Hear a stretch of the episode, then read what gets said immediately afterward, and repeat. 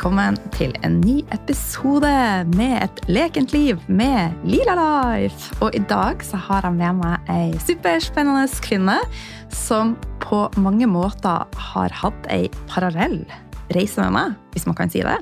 Vi er begge ernæringsterapeuter og veldig mye mer. Men én ting vi har felles, er i hvert fall at vi våkner for at det er veldig mye mer enn mat som påvirker hvordan vi har det. Så hjertelig velkommen, Josefine. Tusen takk. Så, så fint å ha deg her. Ja, det er så deilig å være her. så bra. Du, aller først, hvordan starta du dagen din i dag? Nå vil jeg bare si at jeg bor jo i en koffert akkurat nå, så rutinene er litt off. Men jeg prøver allikevel å starte dagen på en god måte hver dag. Så i dag så startet jeg med å faktisk tøye ut å åpne opp hoftene mine mens jeg puster dypt ned i magen. Og det gjør jeg mm. veldig intuitivt. Og så ruster jeg litt på rumpa mi til noe musikk og koser meg med det. Og så, spiste jeg, så spiste jeg en god og næringsrik frokost etterpå. Mm. Mm. Hva spiste du i dag?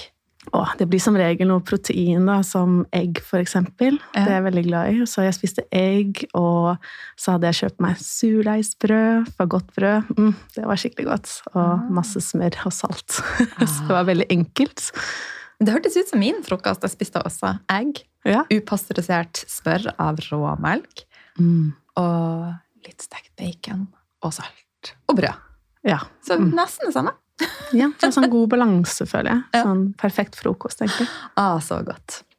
Du, eh, vi har lyst til å bli bedre kjent med deg. Jeg har også lyst til å bli bedre kjent med deg. Altså, vi har jo møttes, og veiene våre har kryssa litt sånn gjennom mange år. Men jeg er nysgjerrig på deg. Kan du fortelle litt? Hvem er Josefine? Ja, hvem er Josefine, egentlig? Jeg kan jo begynne med å fortelle at jeg er faktisk halvdansk og har vokst opp i Danmark. Eh, og så flytta jeg til Norge for ca. ti år siden. Um, fordi jeg hadde, jeg hadde, en drøm om å spare opp penger, så finne en jobb her. Spare opp penger og så reise til utlandet. Men det skjedde aldri.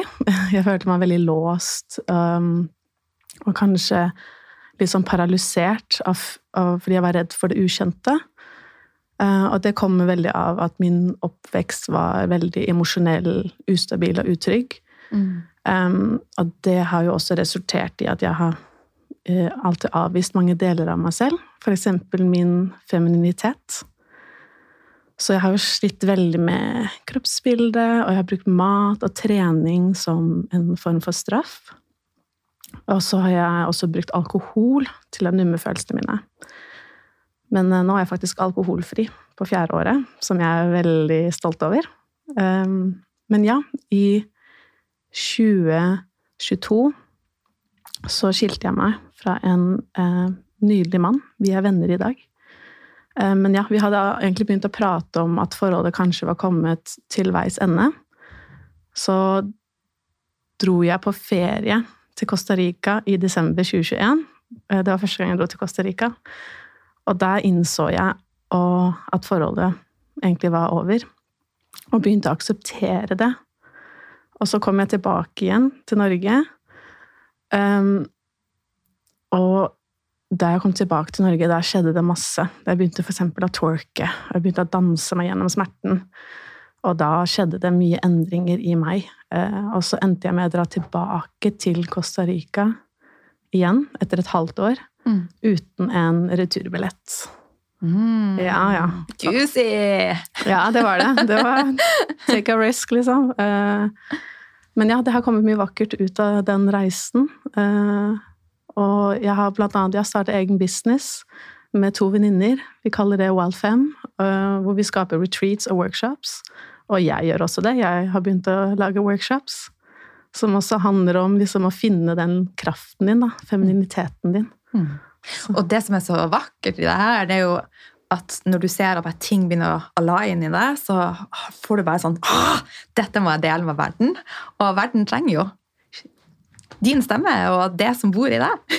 ja, ja, 100% Så ja, ja, det har vært en skikkelig, skikkelig reise. Og mm. selv det å være litt fanget i Norge da, i ti år, det var også en del av reisen. Og det har vært veldig mye fint som skjedde da òg. Mm. Så ja.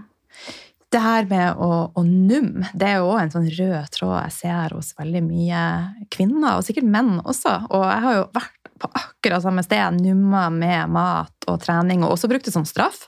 Og det med alkohol er jo veldig spennende. Jeg, jeg drikker ekstremt lite. Eh, men pga. mine tidligere eh, Jeg var veldig avhengig av det meste. Så har jeg sånn at jeg ikke avholds. Jeg gir meg sjøl rett til å gjøre akkurat det jeg har lyst til, men jeg velger alkohol veldig sjelden. Men hvordan er livet ditt uten alkohol? Altså, hva vil du si fordelene for deg har vært uten alkohol? da? Eh, fordelen har egentlig vært å bli komfortabel i å ikke være beruset, f.eks. i sosiale sammenheng, og dra på fest uten alkohol også. Mm. Og, og, det har for meg vært en sånn skikkelig stor frihetsfølelse, mm. hvor jeg kanskje har trodd at det ville vært omvendt. Jeg mm. drakk jo også alkohol, fordi jeg, da følte jeg meg fri. Og nå er det omvendt. Mm. Så det vil jeg si har vært en skikkelig sånn åpenbaring for meg av å slutte å drikke. Fordi jeg elsker å dra på fest, jeg elsker å danse, f.eks. Og nå gjør jeg det uten alkohol. Jeg mm. behøver ikke det lenger. Og det har bare vært sånn liksom Wow. Ja. Mm. Life changing, egentlig. Og så er det jo så mange fordeler med å ikke drikke alkohol utenom det også. Altså, det er jo gift. ja, leveren har det ikke så bra når vi drikker alkohol. Og jeg elsker at jeg kan våkne dagen etter og ikke være fyllesyk. Mm. Jeg kan være Selvfølgelig jeg er trøtt og, og sliten og sånt, men, men du vet, jeg kan fortsatt gjøre det jeg hadde tenkt meg å gjøre dagen etter. Mm. Jeg ødelegger ikke uken min. Eh, og så slipper jeg angsten også, som ofte kommer med alkohol. Mm. Mm, jeg er så enig. Så, eh. Men du, en annen ting som har åpenbara seg i denne reisa di, er jo twerking. Og vi har jo møttes live litt sånn her og der, men første gang vi møttes sånn lenge over en lengre periode og hang i lag, det var på min bursdag i sommer, hvor du var og lærte oss å, å twerk. De norske skiløperne. det var litt av noen scenarioer. Men den eh, fascinasjonen for twerking, altså, vil du fortelle litt om den? Hvor kom den ifra, og hva gir twerking deg? Jeg er veldig fascinert av twerking fordi det har virkelig reddet livet mitt. Det er virkelig sånn det føles. Um, med twerking så har jeg liksom klart å aktivere livskraften min og komme i kontakt med min femininitet. Mm. Um, og twerking har alltid fascinert meg, men jeg har liksom alltid bare gitt opp. Og jeg tenker sånn Det får ikke jeg til. Jeg er for stiv i hoftene mine, og det er bare ikke min greie, da. Jeg har gitt opp med en gang. Men så var det som jeg knakk koden når jeg var i Costa Rica første gangen. Og fordi jeg ikke hadde noen forventning, jeg bare gjorde det uten å overtenke. Jeg bare koste meg med det og tenkte 'who gives a damn', liksom. Og da jeg da skulle flytte for meg selv for første gang og bo aleine, som var veldig tungt, så bare begynte jeg å danse og twerke hver eneste dag. Fordi ofte når vi går gjennom et et brudd, så kan det jo ta veldig på selvtilliten. Mm. Så det her hjalp meg virkelig med å booste selvtilliten min. Så begynte jeg liksom å undersøke hvorfor det. Hvorfor booster det selvtilliten min så mye? Og da leste jeg veldig mye om seksuell energi, som jo er vår livskraft. Og at twerking, da, blant annet, kan hjelpe med å aktivere denne energien. Og så begynte jeg å lese om traumer òg. At traumer sitter i kroppen fysisk. Og når vi da ryster, som man ofte gjør med det man kaller somatic therapy, så frigjør vi traumer. Så det er mange fordeler med twerking. Mm. Ja. Og dette med den eh, seksuelle energien er jo så spennende. Og så er jeg så dratt mot det. Og jeg har hatt eh, bare de siste ukene så mange åpenbaringer for, eh, altså, for mye kraft som ligger i oss, og i området rundt the womb og hofta og bekken. Og da, når vi er norske skiløpere som er totalt låst her, så forplanter det seg jo i hele oss. Det er jo ikke rart at så mange kvinner har smerter i underlivet og har vestibulitt og vaginisme og Altså, vi er nødt til å bare loosen up. Og twerking er jo perfekt. Det er helt perfekt. Og, Ja. og vi, jeg tror også at kvinner de tar opp veldig mye energi gjennom livmoren, som du sier. Så det er derfor vi er stive. Mm. Og hvis vi vil ikke være stive, så må vi jo løsne opp Mm. på en måte. Ja, og frigjøre den energien som, som er der. Ja. Mm. Så utrolig spennende. Men eh, etter vi hadde denne eh, greia hjemme hos meg da, i bursdagen, så så ble det eh, masse oppmerksomhet rundt det, og jeg ble veldig inspirert. Eh, og eh, delte da på Facebook i ei lukka gruppe i Bodø eh, at hun søkte etter noen som kunne eh, komme og lære de å twerk i en kvinnesirkel. Og det var så mye kommentarer, men alt var slibrig. Eh, og retta i et sånn pornografisk eh, øyemed. Hva er dine tanker rundt det? Har vi et helt forvrengt syn på det med twerking og ja, det feminine? Det, det har vi. Ja. Jeg, jeg tror det er et sår i oss alle, både menn og kvinner. Eh, og så har vi blitt programmert til å objektifisere kvinnekroppen. Så hvis en kvinne da uttrykker seg på en sensuell måte med kroppen sin, så forbinder vi det med, med å være noe skittent. Ja. Eh, noe en kvinne gjør for å få oppmerksomhet, og som Det er noe skamfullt, da. Mm. Um, det er nesten sånn at vi tenker at en kvinne skal være ren, på en måte. Og eh, twerking igjen, da forbinder vi det med litt sånn Ja, for eksempel pornografi, eller, eller ja, som noe skitten, da. Mm. Um, og så er det jo nesten ja, Jeg vil nesten si at det er litt ironisk at, at mye av en kvinnes kraft er jo i hennes sensualitet. Så, og det å være til stede i kroppen. Um, og blant annet uttrykke det gjennom dans og twerking. Uh, så når en, når en kvinne da står i kraften sin, så er det mange mennesker som blir trigget. Fordi de kanskje har avvist denne delen av seg selv, um, som er fri, som er sensuell, Mm. som er i kontakt med sitt feminine. Og det er både menn og kvinner. Um, og så, ja, som sagt, så er jo ja, twerking har blitt veldig farget av, av pornografi og, og popkultur. Og så er det jo nesten litt komisk, fordi twerking har egentlig sine røtter til våre afrikanske forfedre. Mm. Vi vet egentlig ikke hvor langt det går tilbake, men hvis vi ser på kultur, da, kulturen i hele verden, så ser du at det er mange forskjellige danseformer hvor man beveger hoftene mye, og hvor man danser hvor det er veldig mye fokus på rumpe og, og, og det området. Du kan Mm. se på magedans, da. Hula-dans fra Hawaii. Ja. Ikke sant? Så det her er egentlig en del av, av menneskets historie og kultur, um, som nå da dessverre blir sett ned på og litt latt, latterliggjort, da. Mm. Vil du si, altså for vi har jo begge en bakgrunn som ernæringsterapeuter, vil du si at de endringene du har gjort med å gå mer inn i din kropp, løse opp i traumer, shaking, twerking, du, har du merka en større effekt enn kontra det å, å bare være i det fysiske og jobbe med mat, tilskudd? 100% Jeg har jobbet mye med det fysiske og, nesten også hatt en fysisk tilnærming til traumer. Med en gang jeg begynte å fokusere mer på det energetiske og det emosjonelle, så skjedde det så mye. Og det var stor endring. Og det er en av grunnene til at jeg elsker embodiment, Mm. som jo handler om å være til stede i kroppen.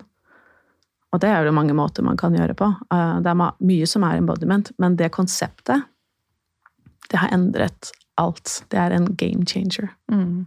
Ja. 100% enig. Det er liksom før og etter. Jeg bruker å si at jeg var liksom ja, jeg var jo nerda i altså 18 år. 18 år har jeg brukt på mat, tarm, hormoner. Og det energetiske starta under covid da, for min del, og det spirituelle. Og, og det har bare endra hele, hele opplevelsen av å leve, egentlig. Ja, virkelig. Det er eh, natt og dag Mm. på mange måter. Mm. Og så tar man med seg den kunnskapen da, som man har plukket opp på veien, om det fysiske, for det er også viktig, selvfølgelig. Men det er ikke det, tror jeg, som skal være i hovedfokus overhodet. Og så er det jo da, når vi kommer i kontakt med vår egen intelligens som er iboende i oss, så vil vi jo klare på en helt annen måte hvis vi er jorda, hvis vi er i kontakt med den parasympatiske delen av nervesystemet, hvis vi er i kontakt med oss sjøl, og vite hva er bra å spise for meg, hva er bra, og hvordan eh, Hva burde jeg gjøre nå? Altså, du får jo en helt annen kontakt med alt. Ja, virkelig. Mm. Jeg, jeg, hadde jo ikke den kontakten før. Så jeg ville jo f.eks. bare lese om andre som spiser på denne måten, og så gikk jeg for det. Mm. Og så hadde jeg det jo helt forferdelig, og det ignorerte jeg. Fordi jeg hadde lest et sted sånn her var det bra å leve, sånn her var det bra å spise. Og så lytter jeg ikke på min egen kropp. Mm. Og på mange måter så avviser vi jo oss selv også når vi gjør det. Når mm. vi lytter på andre istedenfor oss selv. Mm. Så det er egentlig også der det Det kan jo også til og med være en traumerespons. ikke sant? At vi fortsetter å avvise oss selv istedenfor å si Men hva er det jeg trives med? Og hva er det jeg trenger? Mm. Hva skriker mitt system etter? Ja. ja. Så, men du, i forhold til twerking, eh, er det bare kvinner, eller vil du si at det passer for menn også? Det passer absolutt for menn også. Hvis du, igjen, hvis du ser på disse forskjellige kulturene og forskjellige danseformene, så ryster menn også på rumpa. Og jeg har vitnet til i Costa Rica at mange menn kan bevege hoftene sine. Ja. Fantastisk. Så da hører dere, eh, eller kvinner som hører på, og menn, det er for alle, så twerk gjerne i lag. gjerne. Men du, du har jo på mange måter funnet hun som bor i deg, og så kommet i kontakt med essensen av hun Josefine. Hva er det viktigste du har gjort og gjør for å finne denne kontakten? Vi har jo vært innom litt, og du har fortalt om twerking, men ta gjerne og guide oss gjennom eh, de viktigste punktene. De, det viktigste jeg har gjort, er jeg vil si det er nummer én Den første tingen jeg kommer på, er å bli kjent med alle delene av meg, eh, som jeg fremdeles holder på med. Eh, og så begynne å akseptere de. Liksom både mørket og lyset ditt. Og så prøver jeg også å ikke holde for mye fast i identiteter, fordi jeg har liksom innsett at jeg hele tiden er i endring. Um, ja, for eksempel at jeg har vært veldig opptatt av ernæring, da. Um, og, og, identifisert meg som en ernæringsterapeut. Um, men nå er jeg ikke det lenger. Ikke sant? Nå er det et nytt kapittel. Så jeg har liksom begynt å date meg selv. Um, hvor jeg virkelig hele tiden prøver å bli kjent med hvem er Josefine? Og jeg elsker å stille meg det spørsmålet. Hvem er du i dag? Hvem er du nå, i denne mm. perioden av livet ditt? Um, hvilke farger tiltrekker deg? Uh, hvilken mat tiltrekker deg nå? Uh, hvilke interesser? Um, og det har på en måte mange, åpnet mange dører til også deler av meg selv som jeg faktisk har avvist i fortiden. Mm. Ikke sant? Istedenfor å hele tiden identifisere seg med noe som man kanskje selv har skapt, men også andre har skapt og puttet på deg. Um, så ja, det er, det er, også en av grunnene til jeg elsker å gjøre mirror work, for eksempel. Det er jo også en, en, en, en måte å gjøre embodiment på. Og det handler jo rett og slett bare om å bruke speilbildet til å møte deg selv. Og i psykologien så kaller man jo um, Så kalles det speiling. Uh, men istedenfor å speile et annet menneske, eller bli speilet selv, så, så speiler du deg selv i speilet. Og da møter man underbevisstheten sin. Og alt som er gjemt inni deg. Så mirrorwork handler på en måte om å integrere eh, gjemte deler av deg selv, så man kan bli hel. Og det har hjulpet meg veldig med å finne ut av hvem Josefine er, og essensen av, av meg. Mm. Jeg har prøvd det lite grann, og det er jo eh, i starten litt skummelt. Eh, og eh, jeg har også prøvd å bare sitte totalt naken og bare embrace hele meg.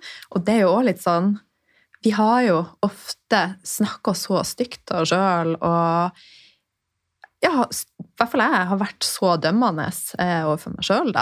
Og det da å begynne å snakke fint til seg sjøl og være glad i seg sjøl, det er jo det er en prosess som ikke bare er enkel.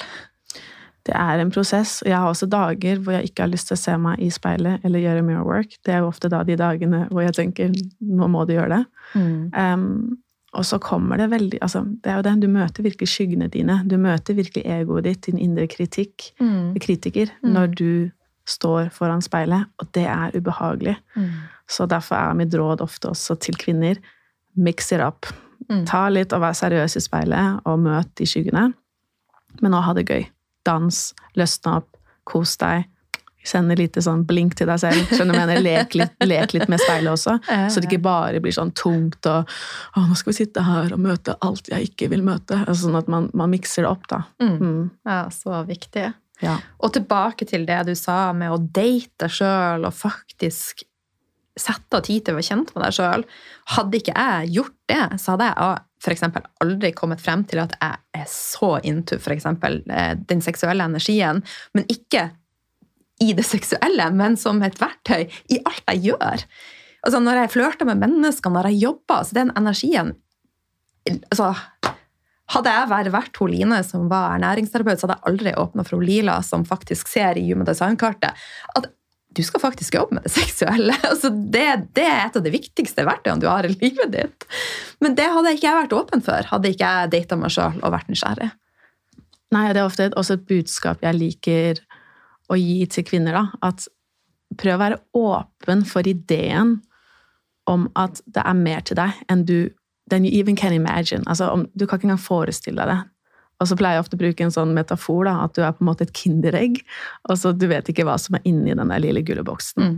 Men bare være åpen for det. At der kan det være en skikkelig stor overraskelse inni der. It is. Og det er det. Virkelig. Men du, du fortalte jo at um, for en tid tilbake så valgte du å dra til Costa Rica. Du endte um, det endte i skilsmisse før du fikk noen åpenbaringer. Eh, men du har jo valgt da å tilbringe mye av tida på Costa Rica nå.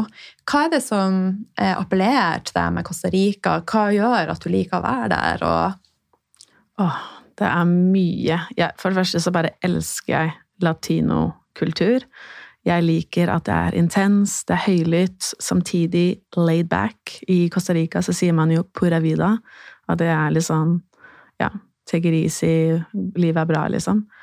Um, og det passer veldig godt med mine verdier, hvem jeg er også som person, og Mm. min energi. Og så har jeg en sånn forestilling om at vi alle er knyttet til forskjellige steder i verden. Noen ganger så er det der vi er født, noen ganger så er det ikke der vi er født. Um, og jeg har egentlig aldri resonnert så mye med Skandinavia, selv om jeg er halvdansk og halvnorsk. Så jeg kjente egentlig umiddelbart en tilknytning til Costa Rica etter første gangen. Det var som om sjelen min bare Her har du vært før, og her skal du være for nå. Så får vi se hva som skjer eh, i fremtiden. For igjen, jeg er åpen for mulighetene. Um, men ja, jeg føler meg nesten mer hjemme i Costa Rica enn Norge. Og det er veldig interessant. Mm. Ja. Og så hva, Når du er på Costa Rica, hvordan ser your daily life out? Det er det. Ingen dag er lik, og det liker jeg veldig godt. Du, du har selvfølgelig rutinene dine. Jeg liker å gå ned på stranda hver morgen. Eh, Der, der trener jeg. Jeg elsker mobility training, for eksempel. Eh, Og jeg går langs vannet og får i meg mineraler, og jeg jorder meg. Eh, Drikker noe kokosvann, for eksempel. Og så går jeg hjem, og så begynner dagen med jobbing. Og, og det som også er veldig fint der, er at folk er veldig sosiale. Mm. Så det er så fint. Det er sånn Oi, skal vi dra på den kafeen og sitte og jobbe sammen? Ja. Og så møtes en gjeng og, og gjør det, da. Mm. Og så kanskje man drar hjem igjen, slapper av, eh, tøyer ut, danser, koser seg. Og så kanskje man drar ut og spiser middag med folk. Det er veldig sånn community-stemning der, selv Ja. om man bor hver for seg. Og så, så kanskje man drar ut og danser litt på kvelden. Mm. Ja, og det, det liker jeg. Det er sånn, det er, det er, hver dag er et eventyr. Men når du, sånn som nå når du skal nedover, har du et fast sted, eller leier du deg fra nytt sted fra gang til gang? Men jeg, ja, jeg har egentlig leid. eh, men denne gangen har vi funnet et hus, meg og to andre venninner, som vi da har skrevet et årskontrakt på. Så det blir spennende. Ja. Vil du ha besøk? Alltid. Ja, så koselig med besøk. Ja.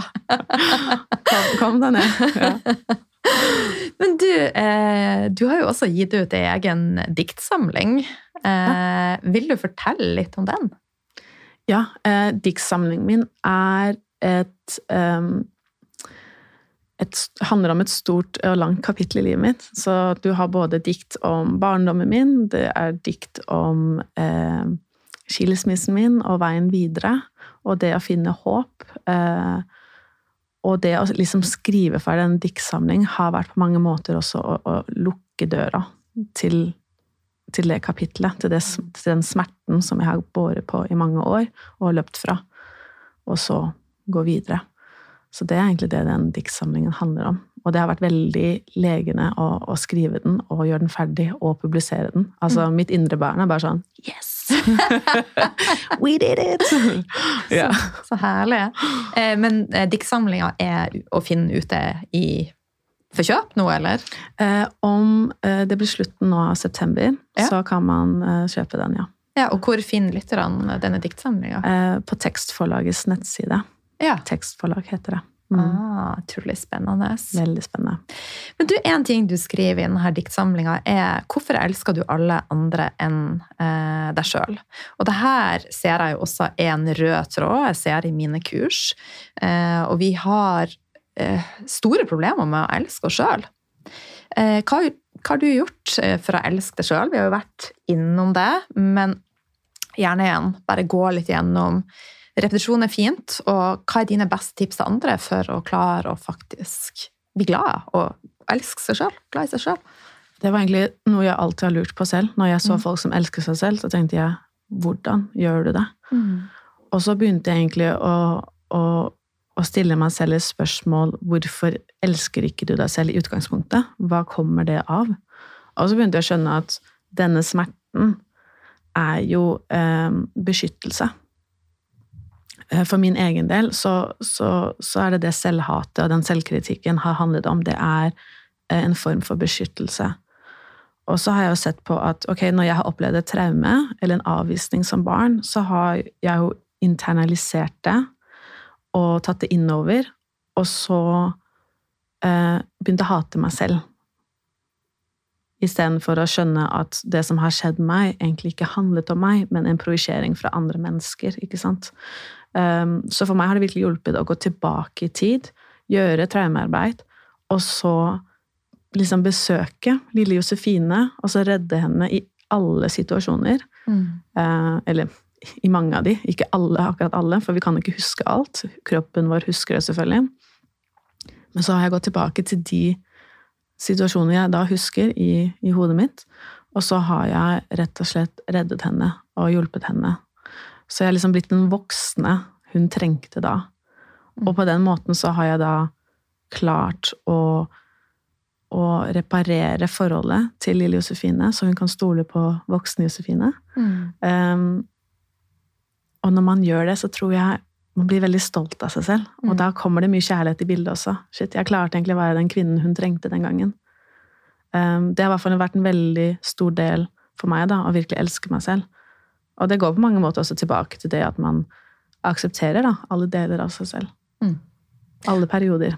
Og når du da jobber på denne måten, så kan det eksempelvis være via eh, en slags meditasjon, der du går tilbake, ser for deg og visualiserer en viss hendelse, og så møter barnet den voksne Josefine, og så lager du rett og slett en ny slutt på historien.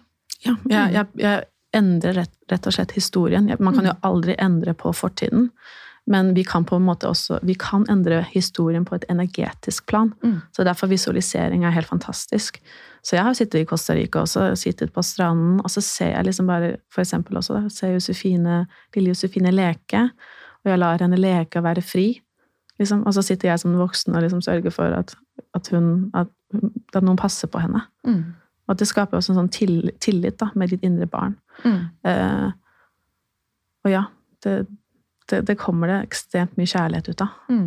Fordi når du redder henne, så redder du alle versjoner av deg selv. Mm. Og, og, og, du sørger også for Du åpnet døren også til en, en, fremtid der du virkelig har deg selv, da. Altså, du har mm. ryggen din, da. Mm. Så fint. Og så er det jo, som du sier, du har gått tilbake til det som hodet husker, men kroppen husker jo alltid. Så det som også er min erfaring, er jo at jo dypere vi kommer, jo eh, større bevisstheten vår blir, og jo mer vil vi også komme i kontakt med de tingene som kroppen husker, og da kan man jo begynne å, bearbeide det også. Ja. ja. Og det er jo det som også er veldig fint med embodiment. La oss si at du liker å danse. Mm. Um, eller å ryste rumpe, da. Uh, så frigjør du jo disse traumene fra, fra, kroppen din. Traumer du ikke husker. Så det er ikke sånn vi må gjenopplive hvert eneste traume for å frigjøre det traumet. Og det syns jeg er veldig vakkert. Det er ikke sånn at, For det kan være veldig vanskelig for mange. Å, må jeg gå tilbake og Mm. gjenoppleve det? Det er jo akkurat det jeg har prøvd å løpe fra. Ja. Og så er det jo så fint at du liksom Det trenger du ikke. Mm. Du kan faktisk danse deg eh, gjennom det, eller eh, ryste, det, ryste det bort, på en måte. Mm. Eh, det er en stor motivasjon, da, i hvert fall for meg også. For Ja. jeg har ikke lyst til å gjenoppleve alt driten jeg har gått gjennom. Nei. Eh, Mm. nei takk. det blir bare et nytt traume, tror jeg. ja, ja, ja. Men er det sånn som risting og strekking og twerking det er noe som er en del av det daglige livet ditt? Ja, det er det. Det gjør jeg faktisk hver dag. Ja. Um, og vet du hva, fem minutter, det holder masse. Ja. Det er ikke sånn du må sette deg nå med å gjøre dette her i to timer. Det er veldig enkelt. Du kan Mm. gjøre det i fem minutter, ti minutter, og så var det dagens økt, liksom. Mm. Eh, hvor du frigjører traumer. Mm. Og jeg bruker også å si på, på mine kurs, og har også sagt det i podkasten òg, men det å For vi har jo mange overganger gjennom en dag. altså vi, La oss si at vi drar hjemmefra, og så har vi et møte. altså Imellom alle overganger så prøver jeg bare å, å, å riste, få energien ut og åpne opp for det neste kapitlet. Og alle har tid til å, å riste 30 sekunder til et minutt imellom alle overganger i løpet av en dag. Hvis du ikke har tid til det, så trenger du å programmere inn noe annet, for da bullshitter du med hodet ditt. Ja, ja det er helt riktig. Ja, Ja. sånn, det er jo igjen en liten sånn krig kanskje med ego. Nei, Ja. men det kommer ikke til å ha noe effekt. Eller igjen, den prøver å beskytte deg. Men så er det liksom å Jo, men la, la oss teste det ut allikevel, da, så ser vi om det har noe effekt. Og det har jo det. Mm. Vi hoppa jo rundt her i stad og rusta litt. så, og det må man. Sånn, ok, nå skal vi lage podkast, og så må vi liksom ho, ho, ho, Og så da er vi klare. Og livet går jo aldri som man planlegger, og det handler jo om alt og hvordan vi møter. Sånn som Jeg kom hit, jeg er jo veldig tidsoptimist, som jeg sa til deg. Jeg var akkurat flytta, så jeg tenkte det tok fem minutter å gå, og så ser jeg ups, 20 minutter på Google Maps. Da, ok, da tar jeg en sparkesykkel. Oi, jeg har glemt å ta på meg linse! så jeg kom kjørende på sparkesykkel i halvblinde på høye hæler. så da trengte jeg å riste litt løs. Ja. Og så var jeg helt nullstilt før vi starta. Ja, ja. Og det er liksom, du frigjorde liksom den energien, og Ja, du har vært litt stressa. Og, sånn, Ja. og det er litt sånn man, eh, man grounder litt, da. Man gjorde seg selv. Ja. Helt klart. Men du, i, i boka så skriver du også at det har vært mange brudd i livet ditt. Tillitsbrudd, skybrudd, steinbrudd, skilsmisse, død. Jeg har aldri hatt meg sjøl helt, og dermed aldri kunne gi av meg sjøl helt. Ingenting varer uten et åpent hjerte. Og det som jeg prater mye om, er at å ha et åpent hjerte er et valg. Det er noe man velger sjøl, faktisk. Og det kan høres litt provoserende ut, men jeg velger å ha et åpent hjerte. Tidligere du snakka du om at det er lett å gå i beskyttelse. Eh, og da lukker jo også hjertet seg. Eh, Så du forteller litt om det du har skrevet her, og litt om hvordan det er å leve med et åpent hjerte, og eventuelt om du dras mot å ha et lukka hjerte av og til og bare krype inn i hula di. Ja, jeg kan si allerede nå. Det selvfølgelig frister det ofte. Ja. Um, jeg føler litt det å leve med et Jeg er helt enig med deg, for det første. Leve med et åpent hjerte er et valg. Og det er provoserende å høre. Mm. Det er triggende å høre. Uh, men det er et valg vi tar. Det er liksom å velge kjærlighet over frykt. Mm. Um, så tror jeg også det å leve med et åpent hjerte, det er nesten en sånn kunst vi skal lære oss. Mm. Um, spesielt når man da har levd livet med et lukket hjerte. Um, jeg begynte å klare å åpne hjertet mitt ved å faktisk skape en relasjon til hjertet mitt. Det gjør jeg egentlig med alt. Jeg skaper en relasjon til ego, jeg skaper en relasjon til indre barnet, og det samme med hjertet. Og da liker jeg å sjekke inn med hjertet mitt ved å rett og slett bare ta en hånd på hjertet. Noe så enkelt som det. Og vet du hva, når man gjør det, så kan det komme opp så mye følelser, Mm. så mye ting. Og det er sånn hjertet kommuniserer. Og det er også sånn vi skaper eh, tillit, og tillit skaper trygghet. Og den veggen vi har oppe, eller altså når vi lukker hjertet, da, det kommer jo av frykt. Frykt for å bli avvist, frykt for uh, å bli forlatt. Um, og hvis ikke vi føler oss trygge, trygge da, da lukker hjertet, naturligvis. Mm. Mm. Det er beskyttelse. Og det er også her traumearbeidet kommer inn i bildet. Fordi for å bli trygg, så, så må vi jo eh, jobbe med alt det som har gjort at vi har blitt utrygge. Mm. Og det er derfor jeg da elsker embodiment, som jeg nevnte i stad. Fordi du må ikke nødvendigvis gjenleve alt som har skjedd. Um, det går faktisk an å, å, lege traumer gjennom tilstedeværelse, gjennom fokus på, på, på kroppen, energi, og, mm. og, liksom få den energien frigjort, da. Mm. Um, og så tror jeg noen ganger så må man ja, gå gjennom noe stort, da, en, en, stor livsendring også, for å virkelig åpne opp hjertet. Det er ikke alltid det er nødvendig, selvfølgelig, men for meg så var det det.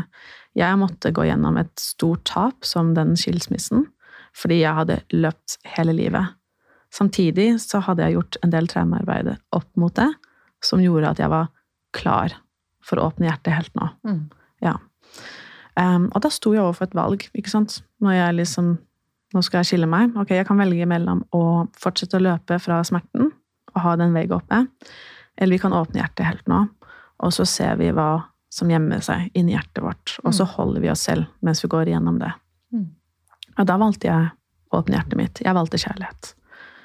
Um, og det gjorde faktisk at jeg hadde fysisk vondt i brystet mitt, hvor hjertet er, i mange måneder.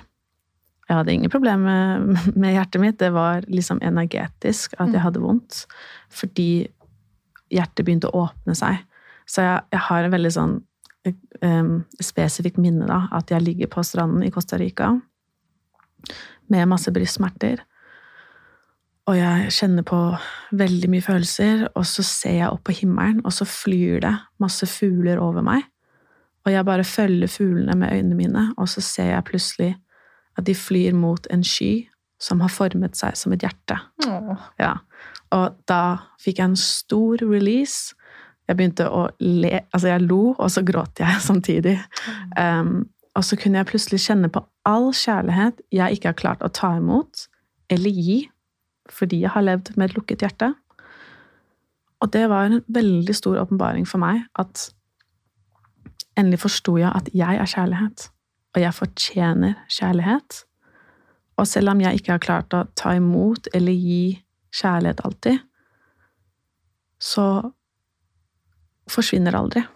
Fordi kjærlighet er liksom energi, så det blir liksom uh, Det er der alltid. Mm. Så jeg kan prøve å uh, for eksempel avvise det fordi jeg er redd, men det går ingen vei. Og det skapte på en måte tillit til kjærlighet og tillit til universet og tillit til meg selv og mitt hjerte. Og det har da vært motivasjonen for å ikke lukke hjertet. Mm. Det betyr ikke at det aldri kommer Selvfølgelig kommer det til å skje noen ganger når jeg blir veldig redd og overveldet, men jeg vet alltid at jeg kan gå tilbake og åpne det igjen. Jeg kan alltid, jeg kan alltid ta et annet valg, selv om jeg kanskje tok det valget i en viss situasjon. Da. Mm. Så det er veldig motivasjonen for å ikke leve med et lukket hjerte. Minne meg selv på den, det minnet da, som jeg har der hvor jeg ligger på stranda i Costa Rica. Mm, fint. Ja. Mm. Bare et sånn praktisk eh, eksempel fra hverdagen. Altså et, eh, la oss si at noen er ufin med det. Mm. Eh, da er det jo lett å bare altså rett og slett lukke hjertet for å prøve å beskytte seg sjøl. Da minner jeg meg alltid på å stå stødig i min egen kraft Prøve å slappe av i følelsen. Altså møt følelsen, kjenn på det, for det er jo vondt når noen er ufin med deg, f.eks. Men så gir jeg alltid slipp etterpå, sånn at jeg visualiserer, relax and release. Altså sånn at jeg hele tida skal minne meg sjøl på at jeg velger å ha dette hjertet åpent. Ingen skal få lov å lukke hjertet mitt. Det er et valg jeg har tatt. Så det er crap open, men det betyr ikke at jeg ikke føler meg trist, at jeg ikke er sint. Jeg møter alle, alle følelser.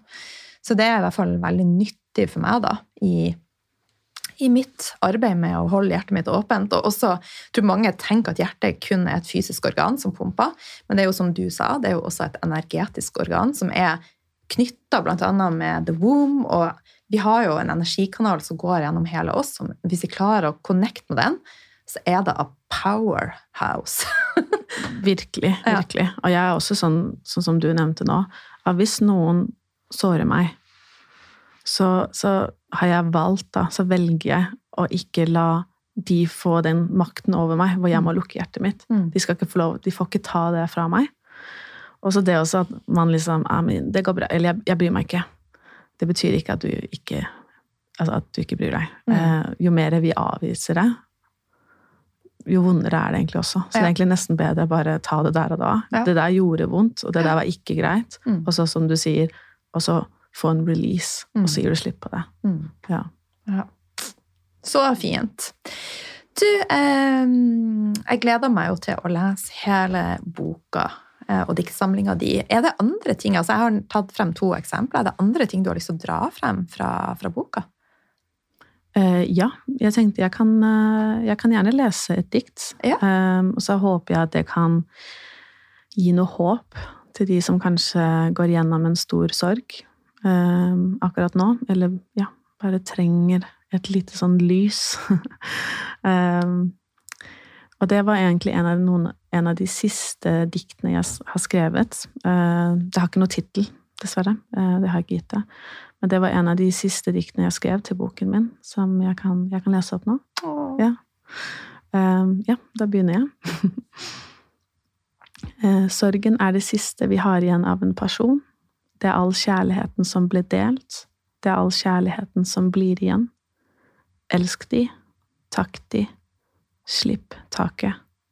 Føl, blø og dø til du en dag oppstår som ny. La smerten transformere deg. La livet presentere seg. La hjertet synge. La vinden ta ordene dine. Begi deg inn i det ukjente. Ja. Mm, så fint. ja. Og det handler jo rett og slett om at ja, tillate akkurat det vi har snakket om, da. Eller tillate å føle på den smerten, sånn at den smerten kan bli transformert mm. til kjærlighet mm. egentlig. Det er min erfaring, i hvert fall. Mm. Og når jeg tillater meg selv å føle på det som er vondt, og, og, og, det tapet, eller hva enn man går igjennom, da, så kan det skje mye vakkert. Mm. Ja. Jeg har litt lyst til at vi eh, nå utfordrer Eller ja, utfordre lytterne til å ta tre dype pust og lukke øynene og, skal, eh, og, hvis du har lyst til å lese det en gang til, sånn at de faktisk ja. kan lukke øynene sine og ta det inn Og uansett om du går eller eh, sitter eller ligger, så bare slapp av i hele kroppen din. Og kjenn at skuldrene er gått ned fra ørene, og kjenn at du er connecta med jorda og kroppen din.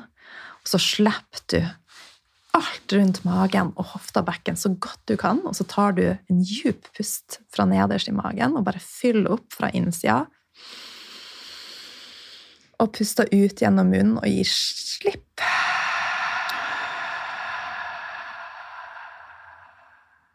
To tidlig i eget tempo.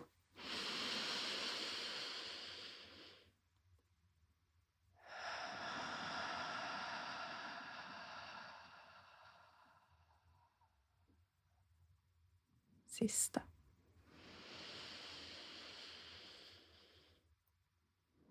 Oi, slipp.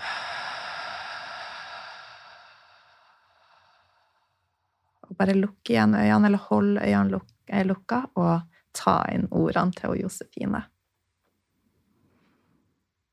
Sorgen er det siste vi har igjen av en person. Det er all kjærligheten som blir delt. Det er all kjærligheten som blir igjen. Elsk de, takk de, slipp taket. Føl, blø og dø til du en dag oppstår som ny. La smerten transformere deg, la livet presentere seg, la hjertet synge. La vinden ta ordene dine, begi deg inn i det ukjente. Mm, den kjente jeg. Fantastisk. Tusen, tusen takk. Og nå sitter både jeg og Josefine her og rister litt. Nå Sånn god, litt. sånn Ja. god risting. Ja. Mm. Ah, tusen takk. Du, nå har vi vært igjennom eh, mye. Mye fint. Mye som gir gjenklang i sjela. Vi er bare Love it! Eh, er det noe som du har lyst til å tilføye eh, på tampen som vi ikke har vært innom, som du tenker er viktig for deg sjøl og for lytteren? Jeg vil gjerne tilføye jeg vil at det skal være en motivasjon da, for de som lytter og, og tenker jeg har lyst til å twerke, men jeg, men jeg tør ikke helt. Mm. Eh, og det er at jeg vil mene og påstå at alle kvinner kan lære seg å twerke. fordi hvis jeg kan lære å twerke, og jeg har vært veldig stiv i bekkenet og i det området der, Mm. eh, da kan du òg, du som lytter på nå. Fordi twerking er egentlig om mye om teknikk. Eh, det handler ikke om størrelsen på rumpen din. Eh, det handler om å mykne opp hoftene og, og få kontakt med, med, med den delen av kroppen. Og handler om å slappe av i musklene dine. Og det er noe vi alle kan lære oss. Så ja, twerking er noe jeg tror alle kan lære seg. Hvis de har lyst. Eh, og så vil det bare være en skikkelig gøy og morsom måte å nyte kroppen sin på. Mm. For det er altså det twerking handler om. Mm. Bare nyte hvem du er. Mm, halleluja! Yes. Så let's begin to work. Yeah! Du, et siste spørsmål som jeg bare fikk litt sånn intuitivt inn. For du sa jo at du har også gjort dette til din business. Du har kurs, du har retreats, du har workshop. Og det meste i livet er jo litt sånn lagt opp litt sånn strømlinjeforma og et maskulint paradigme. Og det ser jeg også når For jeg snakker med mange gründere, og, som, som, og de som sitter og tenker på at de har lyst til å bli gründere. Og ofte så velger de et løp der, der det er du skal gjøre det på denne måten, du skal selge det på denne måten, det er mye scarcity. Litt sånn som med alt annet. Hva har vært viktig for deg der? Eh, For, altså, for min del så blomstrer jeg nå når jeg går en helt annen vei og bare følger det intuitive i meg. Ja, ja, men samme her. Det er egentlig bare å, igjen, fordi jeg har blitt kjent med hjertet mitt, eh, så er det også mye lettere å følge hjertet.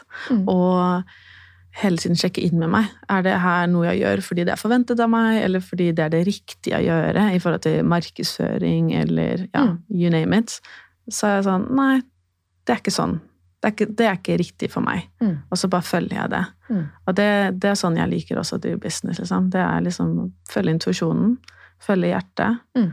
og så tiltrekker du deg de riktige menneskene. Mm. Mm. Og jo mer du er align med deg sjøl og det som er de, din vei, da, jo mer magnetisk vil du bli, og tiltrekke deg, som du sier, både de rette kundene og de som er en energetisk match. da. Ja, 100 Ja. Hvis jeg begynner å følge slavisk da, en eller annen sånn markedsføringsplan, ja, men da, det, det kjenner folk. Det, Mm. Der blir det litt sånn å, det her var litt kjedelig, for det er ikke autentisk. Mm. Og det, det gjennomskuer man. Det Mm. gjør man på et energetisk plan. Mm. Og det gjør jeg jo selv hvis jeg er på Instagram og jeg finner noen som har et veldig kult budskap, eller har veldig kule ting de vil selge meg, men så, så bare er det ikke align med hvem jeg er, da. For det Mm. kan jo være for eksempel, at jeg plukker opp at jeg ikke er helt, Mm. helt seg selv. Og de jeg blir tiltrukket av, er jo de som bare er seg selv. Mm. Og da gjelder de samme reglene òg for meg. Mm. Ja. Vi har det med å ha andre regler for oss selv, og så andre regler for andre. Men de reglene gjelder òg for deg. Bare vær deg selv. Ja.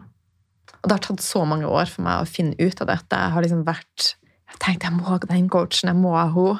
Og det er bare en sånn åpenbaring at ah, du kan gjøre det akkurat som du vil det. Ja, jeg, digger det. Altså, jeg, altså, jeg har joket mye med, faktisk, med min eksmann. Um, og sagt sånn, ja, hvem skulle tro da jeg ble en sånn twerk-dame som bor i Costa Rica, og coacher kvinner og sånt. Ja, ja, hvem, hvem who knew? Så jeg lever litt av det, liksom. Og det er liksom, ja, man, man har liksom, man åpner opp for, for mulighetene, da. Så bare ser man hvor det tar en. Ja. Så deilig. Du, hvor kan eh, lytterne treffe deg? Hvor finner de deg? På Instagram. Ja. Eh, der heter jeg rett og slett Josefine Appel. Ja, sånn, eh, som er navnet mitt. Ja. Josefine.appel. Og det er der jeg, jeg, deler av meg selv, egentlig. Det er den kanalen jeg bruker. Nice. Mm. Tusen takk for at du ville være med i dag. Veldig fint å, å ha deg her. Ja, tusen takk for at jeg fikk komme. Det var så hyggelig. Så fint.